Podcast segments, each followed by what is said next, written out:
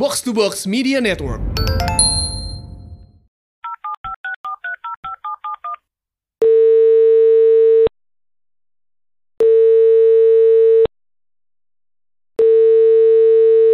Assalamualaikum warahmatullahi wabarakatuh. Hai, aku Nirma. Aku relasinya Kenta. Aku kenal Kenta dari pelanggan aku.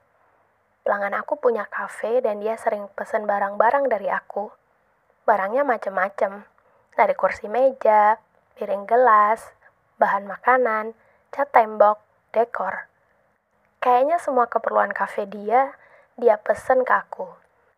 Ya, aku ini tukang dagang palu gada. Apa lu mau? Gua ada. Dan tiap kali ngiklan, aku pasti bilang, open order apa aja. Pelanggan aku ngasih nomor aku ke Kenta. Dia waktu itu mau bikin kafe juga.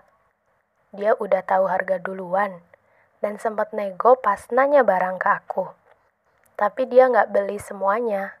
Beberapa dia pengen sewa aja karena dia takut modalnya habis. Jadi aku mendadak jadi tukang sewa juga. Nyari ke sana ke sini. Lama sih nyarinya. Jarang ada orang yang nyewain barang buat kebutuhan tempat makan. Tapi alhamdulillah akhirnya nemu juga.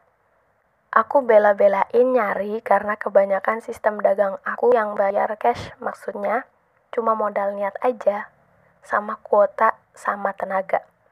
Aku jualannya nggak pakai modal uang kok, alias cuma jadi dropshipper. Jadi aku nyari distributor atau toko yang bisa ngasih harga murah. Terus barangnya aku iklanin lagi. Nanti kalau ada yang beli, aku pesen barang ke toko. Kalau pembeli aku udah bayar, aku baru bayar ke toko. Nggak perlu mikirin packing dan ngirim, karena nanti toko langsung yang ngirim ke pembeli aku.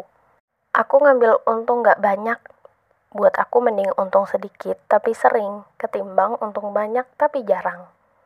Kalau yang beli sedikit itu suka bikin jadi males dagang.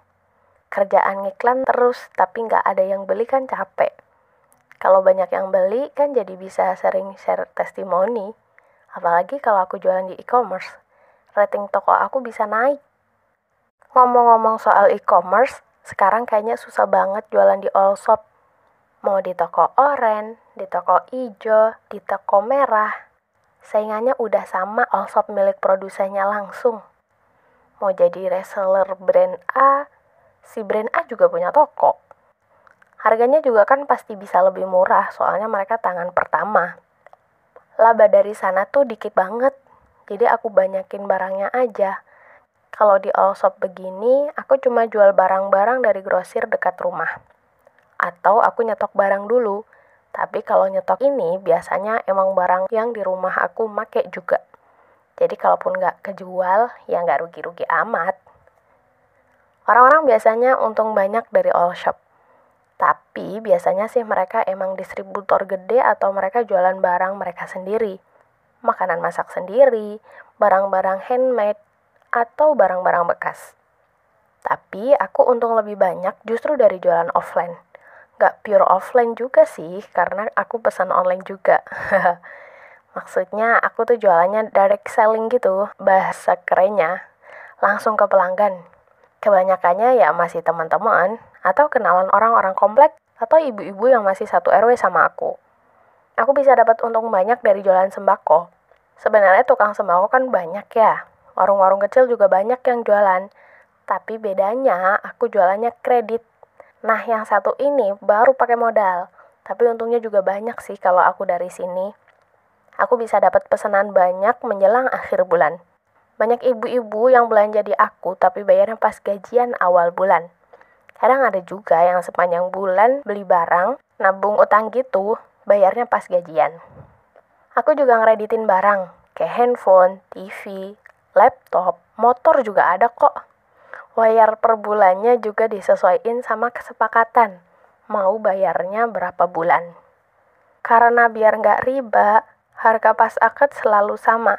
Mau bayar cash, cicilan dua bulan, setengah tahun, sekian tahun juga harganya tetap sama. Mau janji bayar cicil setahun tapi ternyata baru setengah tahun dilunasin, juga sama harganya. Cuma yang begini Aku lihat-lihat dulu orangnya.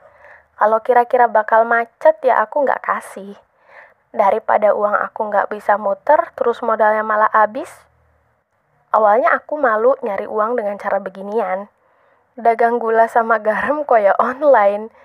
Tapi ya namanya ikhtiar. Selama nyari uangnya dengan cara yang halal, ya kenapa enggak? Toh kalau banyak untungnya, yang seneng aku juga.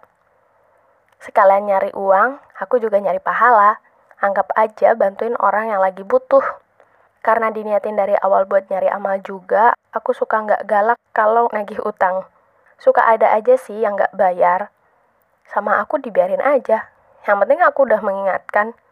Kalau ternyata dia nggak bayar, ya berarti bukan rezeki aku. Sesimpel itu.